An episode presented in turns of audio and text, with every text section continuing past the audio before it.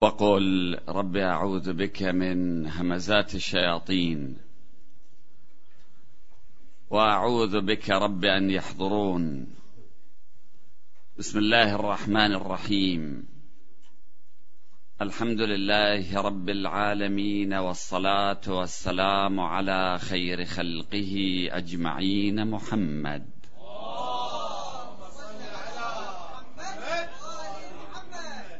وعلى أهل بيته الطيبين الطاهرين المعصومين المكرمين وبعد.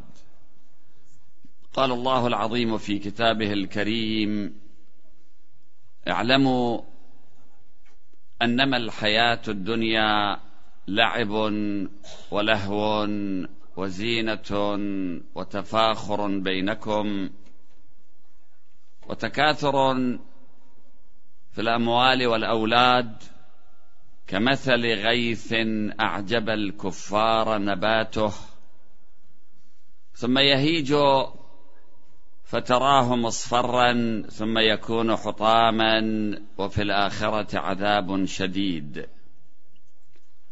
ومغفرة من الله ورضوان وما الحياة الدنيا إلا متاع الغرور. آمنا بالله. صدق الله العلي العظيم. هنالك ظاهرتان في الأرض تشكلان معادلتين في الحياة فيهما. وحينما نقول ظاهرة فهذا يعني أمرين. الأمر الأول يعني أنه ظاهر للعيان. يراه كل الناس. ويعني أنه يتكرر ليس استثناء. نقول مثلا الأمطار ظاهرة من ظواهر الحياة في الأرض. الشمس وشروقها وغروبها ظاهرة من ظواهر الحياة في الأرض. اولا هذا أمر يتكرر ثم جميع الناس يرون ذلك.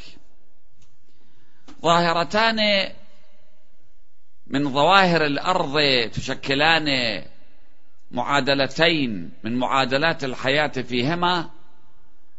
هي ظاهرة الحياة بعد الموت وظاهرة الموت بعد الحياة.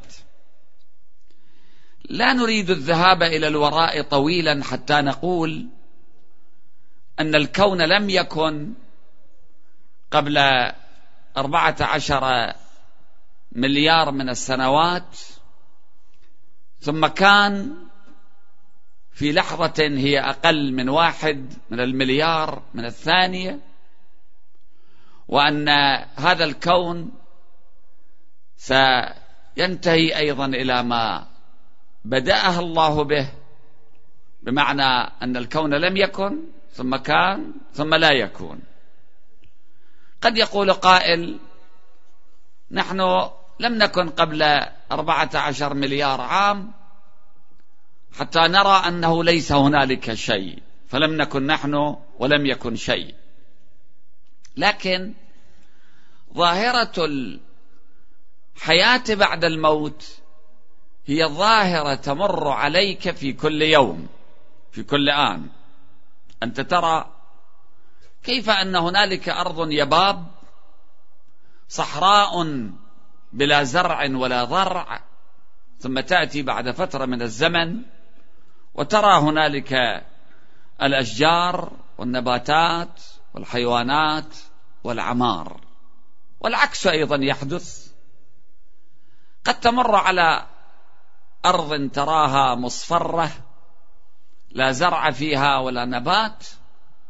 ثم بعد فترة ترى أنها تحولت إلى منطقة مزروعة بساتين ملتفة الأشجار فيها كل أنواع العمار. يعني أن الأرض تنتقل من خراب إلى عمار ثم من عمار إلى خراب. هاتان الظاهرتان تحكمان كل شيء في هذه الأرض أي النباتات الحيوانات وحتى ما يفعله الإنسان. بيوت تبنى ثم تخرب البيوت تتحول إلى أطلال ثم يأتي قوم آخر فيبنون وهكذا. مدن تقوم ثم تخرب وتذهب. حضارات في الأرض قامت ثم بادت ولكن السؤال هو هل الإنسان مستثنى من هذه الظاهرة؟ يعني إذا كانت الأرض التي لا نبات فيها ولا زرع ولا ضرع ولا بشر ولا حيوان ثم رأينا الأرض وقد تحولت إلى نباتات نباتات تحولت إلى حيوانات وبعد ذلك ماتت الأرض وماتت الحيوانات. زين أنا شلون؟ أنا مستثنى من هذه الظاهرة؟ اما أنا جزء من هذه الحياة؟ وأنا واحد من سكان الأرض؟ لم أكن. يعني معادلة القيامة بسيطة جدا. لم نكن. ثم كنا. ثم لا نكون. ثم نكون. يعني أقل من سطر تستطيع أن تلخص سنة الله في هذه الحياة. كان الله ولم يكن شيء خلق الله المشيئة أي الإرادة وبها خلق الأشياء. لا من شيء خلق ما كان نحن قصارى ما يمكن أن نعمل أن أجزاء الأشياء الموجودة حولنا نبدل أماكنها. يعني الأحجار موجودة. الاسمنت موجود في باطن الأرض الجص الطين. هذه نعمل بها أحجار ونضع بعضها على بعض فنبني بيت نبني قصر. بس نغير أماكن الأشياء مو أكثر من هذا لكن رب العالمين بقدرته التي بلغت ما يشاء. ما في أحد عنده هالنوع من القدرة. يعني إلى أين ما يريد قدرته تصل. أنت قدرتك محدودة؟ الكون كله قدراته محدودة لكن رب العالمين قدرته تبلغ إلى المكان الذي يريد ويشاء. العدم خلق الوجود من لا شيء لا من شيء خلق ما كان. ثم بعد ذلك يعيد الأمر كما كان من قبل وبعده أيضا تكون الحياة بعد الموت. أنت لم تكن ثم كنت ثم لا تكون ثم تعود فتكون. مع فارق واحد أنك حينئذ تتحمل آثار ما فعلت لأنك كنت فترة من الزمن مختارا. قبل أن تأتي إلى هذه الحياة لم يكن عندك اختيار في العوالم التي سبقت. بعد الموت ليس لك اختيار هذه فترة قصيرة من الزمن لك فيها الحرية والاختيار أن تعمل وأنت مسؤول عما تعمل. ما كنت ثم كنت ثم تموت ثم تعود محملا بآثار ما فعلت وما اتخذت من مواقف. شوفوا مثال بسيط. باستطاعتك أن تتصور أي شيء تريد في مخيلتك ثم تقضي على هذا التصور ثم تعيده. هذا سهل ولا صعب؟ الآن تصور بيت قصر غمض عينك تصور قصر.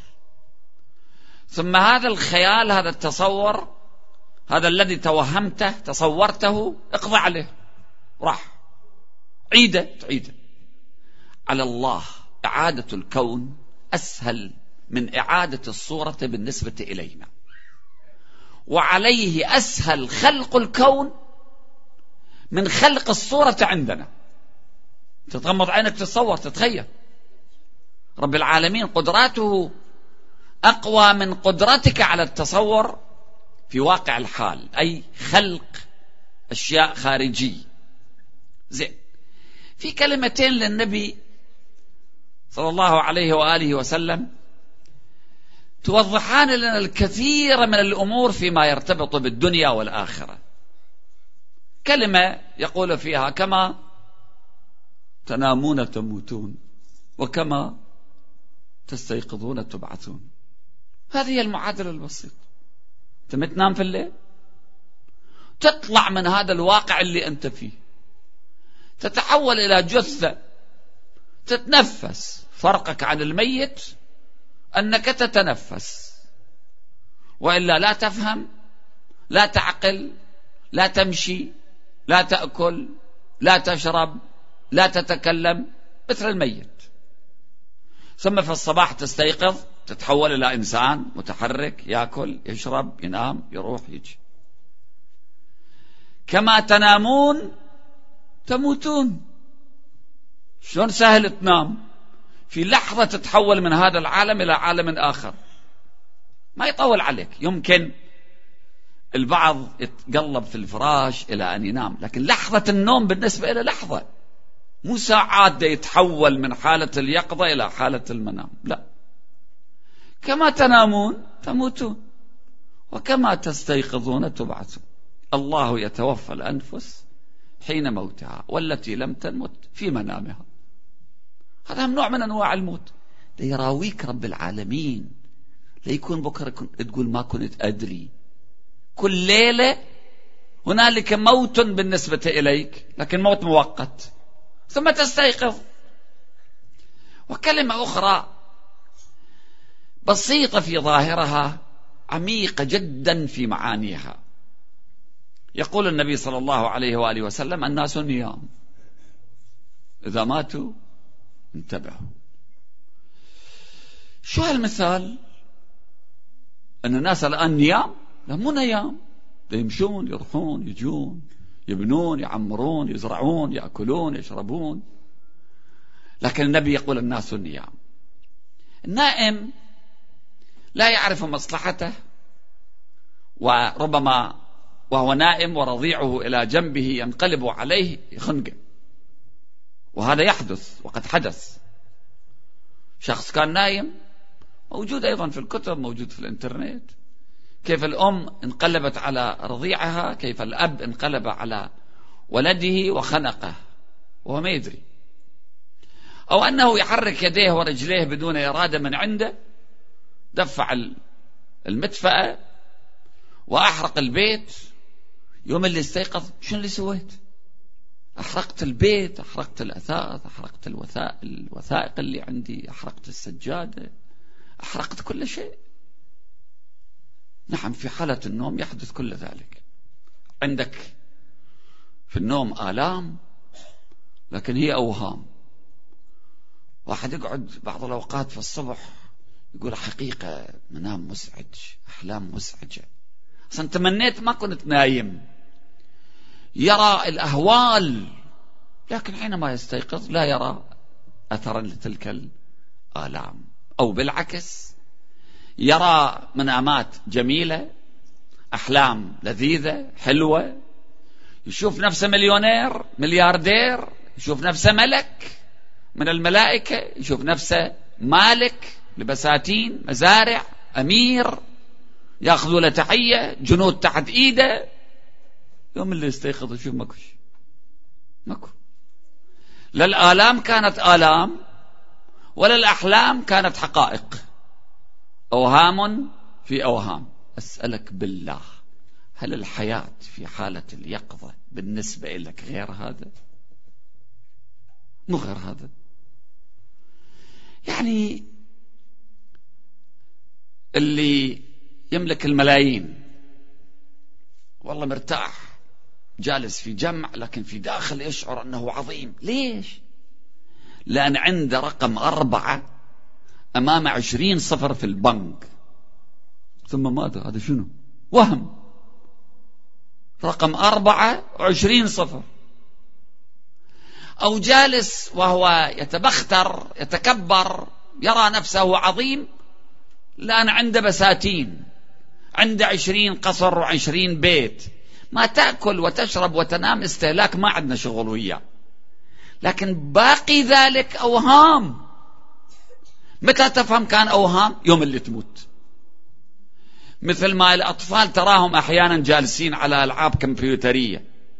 انتصارات. يسرون يضحكون. يشعر بالزهو بالخيلاء أنه انتصر. بس هذا الانتصار شنو وهم. شو هالانتصار في داخل هالشاشة الصغيرة منتصر على اللعبة الموجودة. أو أحيانا ينهزم فتراه يشعر باستعاسة يشعر بالحزن لكن كله وهم وخيال هاي الدنيا وهم وخيال. لا أدري هل أكرر عليكم القصة المعروفة للشيخ البهائي لكن لتوضيح هذا الأمر حتى لو سامعيها لا بأس. لأن الموعظة لا بد أن تتكرر. أحيانا يقول البعض سيدنا هذا الكلام أنت كنت قايله سابقا. أقول له قايله وأقوله وعشرين مرة أقول لك إياه إلى أن تتغير. إذا رحت الطبيب مثلا وأمرك بأخذ دواء معين ونهاك عن أمور معينة أنت ما أخذت الدواء واللي قال لك لا تسوي سويته مرة ثانية تروح يم شيء يقول لك يقول أخذ هذا الدواء ولا تسوي هذا الشيء. تقول يا دكتور سابقا قلت. يقول إيه قلت؟ وأقول وراح أكرر إلى أن تأخذ هذا الدواء وما تسوي هذا الشيء أو ما تأكل هذا الشيء. هذا هو الموعظة. والموعظة تتكرر.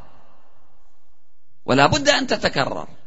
المهم يقال أن الشيخ البهائي كان يبحث كان طبعا من لبنان من جبل عامل ولذلك يسمى العاملي.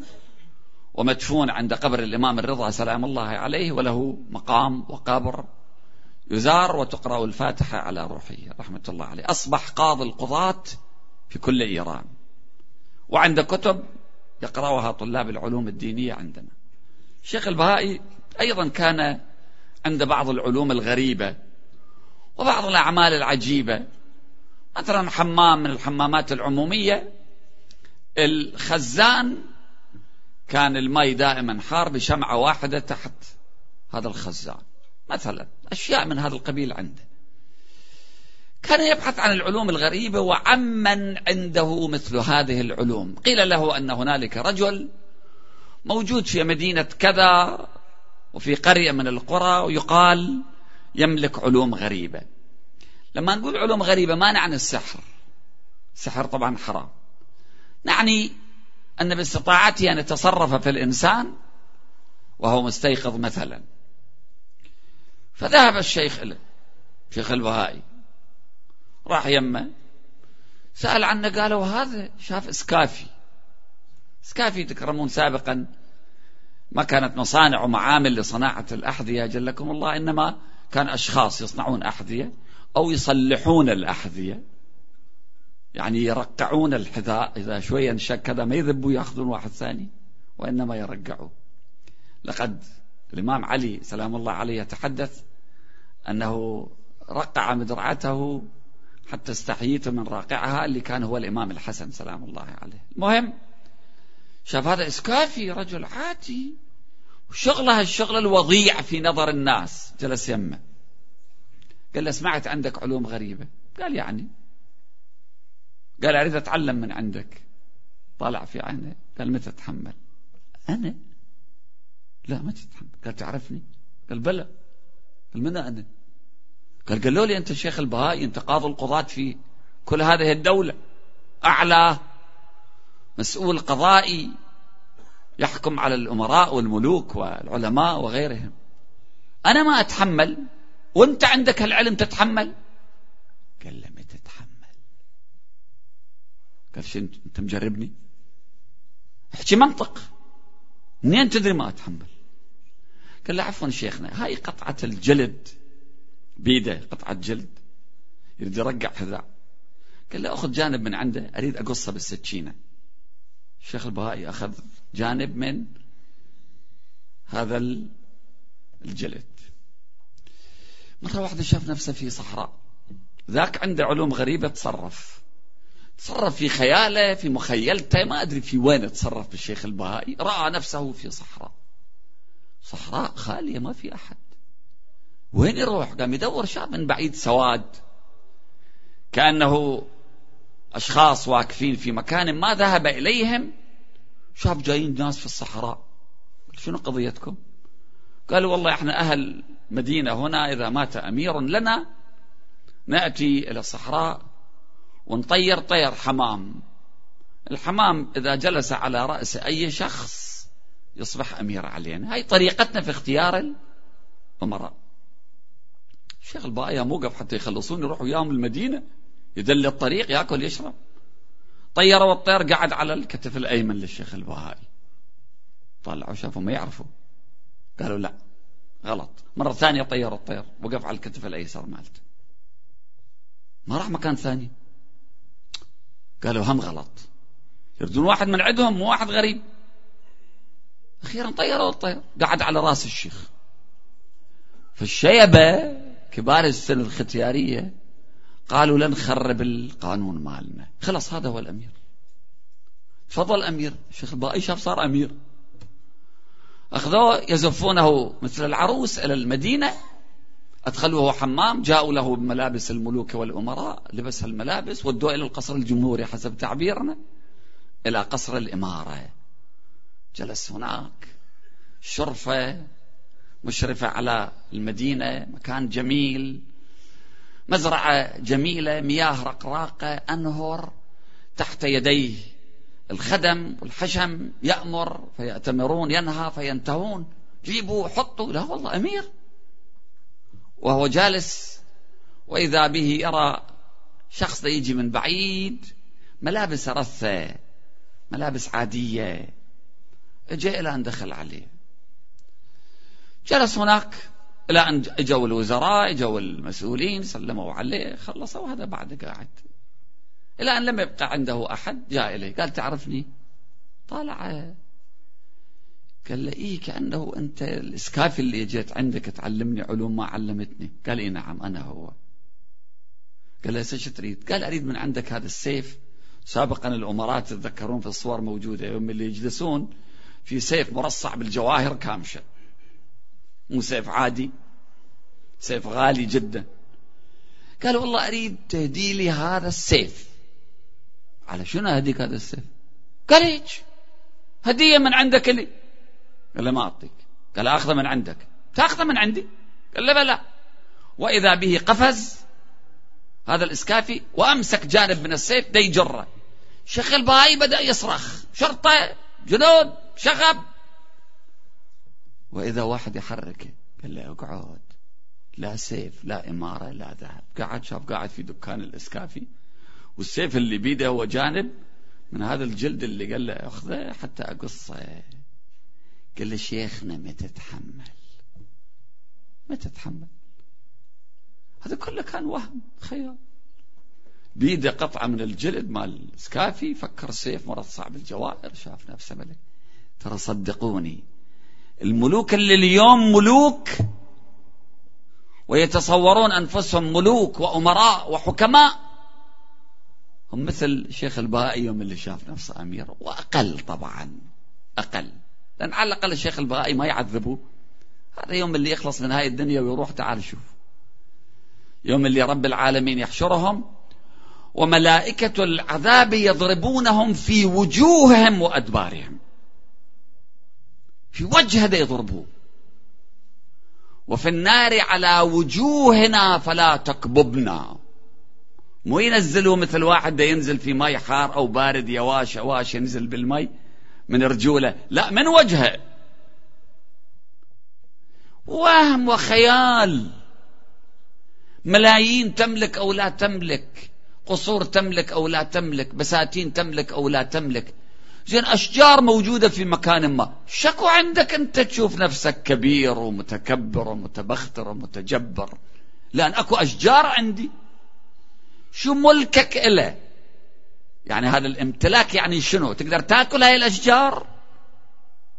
عندك بيت فيه ألف غرفة نوم تالي تنام على شقد بمقدار جسمك ولا أكثر من هذا؟ ما تقدر. اعلموا أحيانا رب العالمين مباشر يتكلم. اعلموا أنما الحياة الدنيا لعب ولهو وزينة وتفاخر بينكم. وتكاثر في الأموال والأولاد. كمثل غيث أعجب الكفار نباته. يا جماعة أمام عينك تشوف ينزل ماء من المطر ماء المطر الغيث. ينزل على الأرض. هاي الأرض اهتزت وربت وأنبتت من كل زوج بهيج. الكفار اللي ما يعبرون من هذه الظاهرة إلى ما ورائها.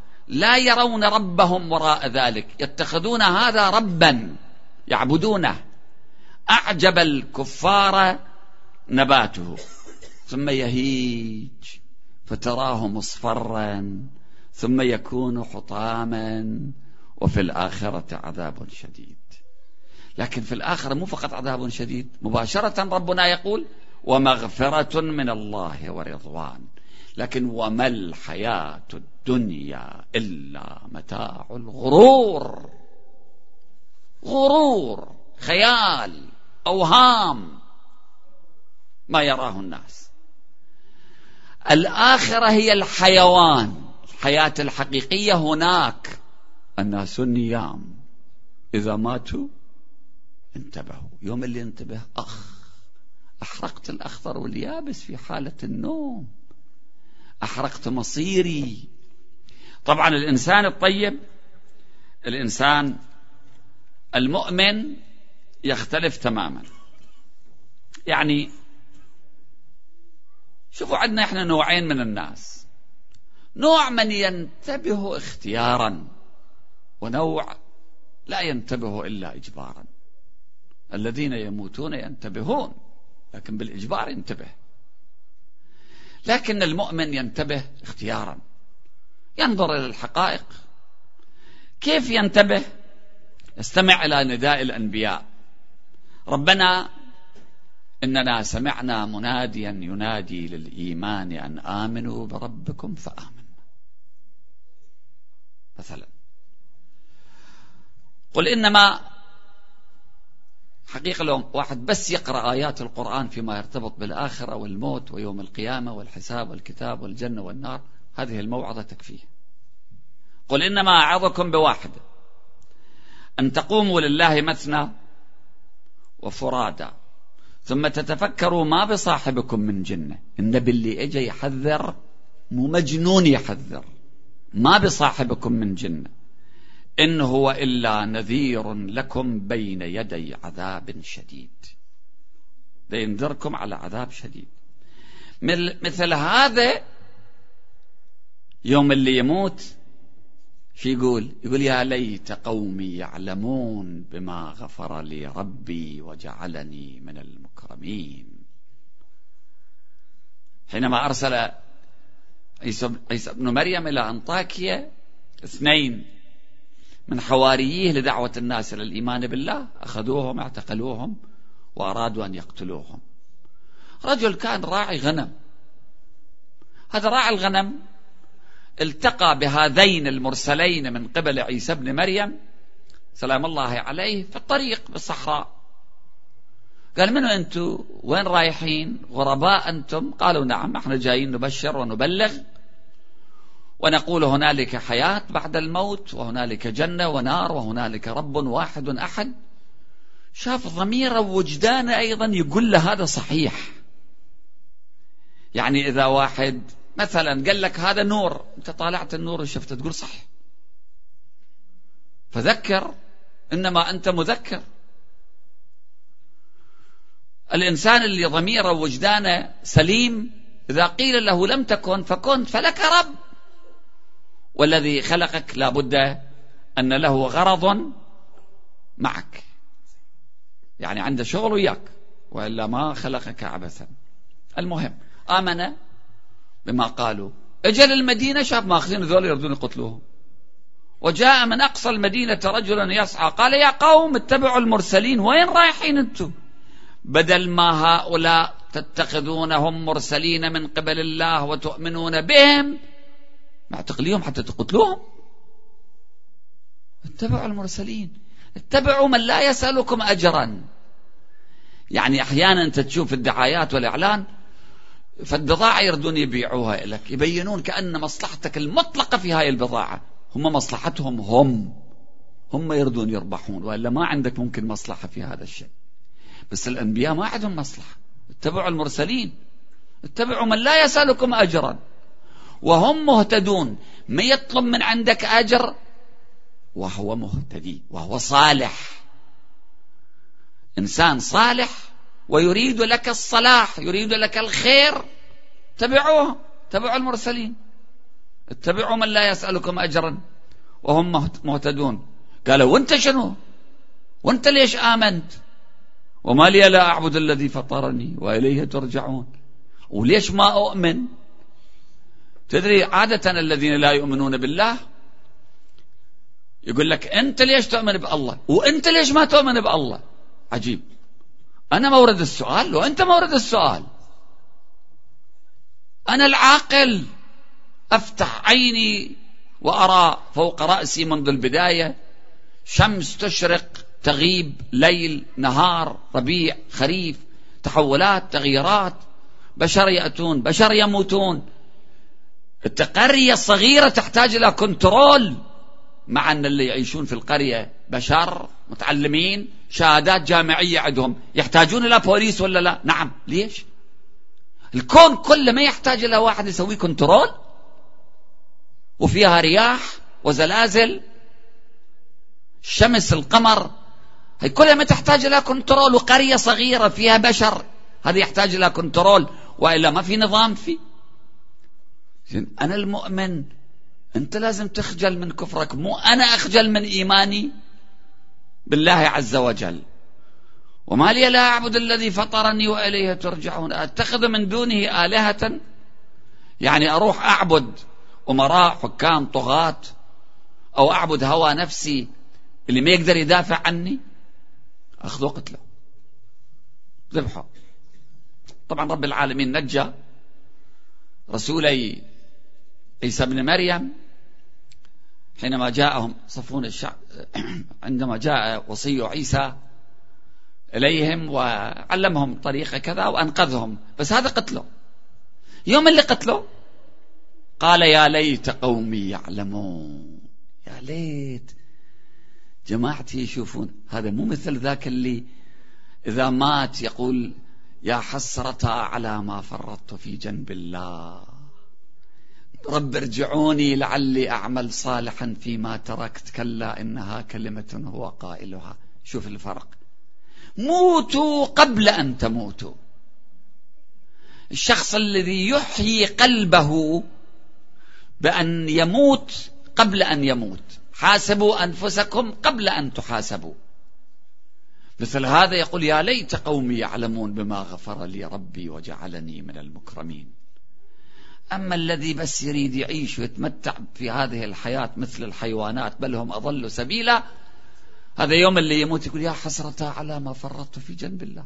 في حالة النوم أنا قضيت على عزيزي وحبيبي طفلي الصغير انقلبت عليه في حالة النوم ضربت رجلي أحرقت الأخضر واليابس أحرقت بيتي أحرقت ملابسي أحرقت أشيائي والميتة نفس الشيء. إيه إحنا كنا في حالة نوم. كم قضينا على مصالح أنفسنا؟ الناس نيام. إذا ماتوا انتبهوا. زين شو نسوي؟ قلنا يوم لا كالأيام أعظم ما سيحدث بالنسبة إلى بني آدم وبالنسبة إلى العالم هو يوم القيامة. ويوم القيامة يوم مرعب ومهول وفيها من الأهوال ما يشيب الأطفال فيه. يوم تضع كل مرضعة عم تذهل كل مرضعة عما أرضعت إلى آخر ما ذكر الله من أهوال يوم القيامة. ما الذي ينفع؟ من جملة ما ينفع هو أن تهتم بعباد الله. تهتم بالناس. تعيل عوائل تهتم بمن يحتاج إلى الاهتمام يحتاج إلى الطعام يحتاج إلى الملبس يحتاج إلى المأكل. أنت عندك أعطي لغيرك. الله معطيك الله يعطي أولا بعدين يقول اعطوا مو قبل ما يعطيك يقول اعطي أول شيء يعطيك. بعدين يقول من ذا الذي يقرض الله قرضا حسنا. يوم القيامة يعاتب الله بعض العباد يقول مرضت فلم تعدني. ما جت لزيارتي أنا صرت مريض. احتجت فلم تعطني. جعت فلم تطعمني. يقول يا رب أنت؟ أنت صرت مريض؟ أنت صرت محتاج؟ أنت صرت جائع؟ يقول عبدي فكأنه أنا كنت محتاج إليك وأنت ما ساعدتني. من ذا الذي يقرض الله قرضا حسنا؟ شنو رب العالمين يحتاج إلى قرض من عندنا؟ له خزائن السماوات والأرض. لكن يريد نكون بشر فينا من الإنسانية التي خلقها الله فينا وميزنا بها عن باقي الكائنات. خليك إنسان. ضميرك شي يقول لك إذا شفت محتاج وانت عندك. شوف الحديث شو يقول في ثواب الأعمال الشيخ الصدوق. قال الإمام الباقر لئن أحج حجة إذا أروح للحج أحب إلي من أن أعتق رقبة. إنسان عبد أنا أحرر وأعتقه. أروح للحج أحب إلي من أن أعتق رقبة ورقبة ورقبة ورقبة ورقبة إلى أن انتهى إلى عشرة. ومثلها ومثلها ومثلها إلى سبعين. يعني إذا أروح للحج أحب إلي وثواب أكثر من أن أعتق سبعين من العبيد. ولئن أعول بيتا أما إذا أعول بيت أتكفل بيت أطعمهم أكسوهم. ولئن أعول بيتا من بيوت المسلمين أشبع جوعتهم وأكسو عريهم وأكف وجوههم عن الناس أحب إلي من أن أحج. حجة وحجة وحجة وحجة إلى أن انتهى إلى عشرة ومثلها ومثلها ومثلها إلى أن انتهى إلى سبعين. تريد يوم القيامة بعيدا عن الأهوال تكفل تكفل الآخرين. لتمر مرور الكرام وأنت تسمع في الأخبار وتقرأ في الجرائد وتعرف من أقربائك وتعرف أشخاص وربما تراهم وهم محتاجون وتمر عليهم مرور كأنه مو مسؤول أنت عنهم. والإمام علي يقول واعلموا أنكم مسؤولون حتى عن بقاع الأرض وبهائمها. أيضا مما ينفع هناك أن تكون مع الله مع رسوله مع أهل بيت النبي. الولاية شرط أساسي. رب العالمين امتحن كل عبادة الذين خلقهم بالولاية. يعني امتحن الملائكة بولاية آدم. فإذا نفخت فيه من روحي فقعوا له ساجدين. شنو معنى السجود لآدم؟ خضوع له. القبول به لأنه خليفة الله. فولاية آدم امتحان الملائكة. هسه آدم شنو كان عند اللي رب العالمين امتحن جبرائيل وميكائيل وإسرافيل وعزرائيل بولايته؟ إذا نروح على تاريخ آدم سلام الله على آدم. طبعا أبونا وصفي الله وخليفة الله وأول من خلق الله. ترى نحتاج إلى شفاعته إذا أقول أنا كلام فقط كواقع أريد أقول. هذا آدم اللي رب العالمين يقول وعصى آدم ربه فغوى أو يقول ولم نجد له عزما. هو هذا آدم الله يسجد الملائكة المقربين الذين لا يعصون ما أمرهم. ما يعصون في أمر وهم بأمره يعملون معقولة يعني الله يمتحن جبرائيل وميكائيل وإسرافيل حاجب الرب يمتحنهم بولاية آدم يمتحنهم بولاية آدم لأن في نطفته النبي وآل النبي.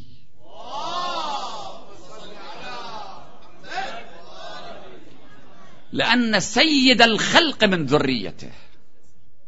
سجود لآدم خضوع لرسول الله وأهل بيته. ثم يقول الإمام الباقر يقول قال أمير المؤمنين لعبد الله شخص اسمه عبد الله. قال يا يا أبا عبد الله ألا أخبرك بقول الله عز وجل من جاء بالحسنة فله خير منها وهم من فزع يومئذ آمنون آمنون. اللي يجيب حسنة يوم القيامة أهوال يوم القيامة رعب يوم القيامة ما يشمله مستثنى. من جاء آية قرآنية من جاء بالحسنة فله خير منها وهم من فزع يومئذ آمنون. ومن جاء بالسيئة فكبت وجوههم في النار. هل تجزون إلا ما كنتم تعملون؟ قال الإمام. الإمام ده يقول لعبد الله الإمام أمير المؤمنين يقول هاي الآية سامعها؟ قال له إيه؟ بلى يا أمير المؤمنين جعلت فداك. فقال الإمام الحسنة معرفة الولاية الحسنة حبنا أهل البيت والسيئة إنكار الولاية وبغضنا أهل البيت. ومن جاء بالحسنة فله خير منها وهم من فزع يومئذ آمنون. أيضا الاهتمام باليتامى والأرامل لأنهم أكثر الناس حاجة. اليتيم ليس فقط من ليس له طعام. لا اليتيم في الحقيقة يحتاج إلى رعاية أبوية. يحتاج إلى جانب معنوي وجانب مادي. روي أن رسول الله رأى على الباب الثاني من الجنة مكتوبا. النبي حينما ذهب إلى المعراج دخل الجنة وكشف الغطاء له عن النار. ورأى الناس منعمين كما رأى البعض معذبين في نار جهنم والقصة طويلة قصة المعراج. النبي يقول أنه رأى على الباب الثاني من الجنة مكتوبا لا إله إلا الله محمد رسول الله.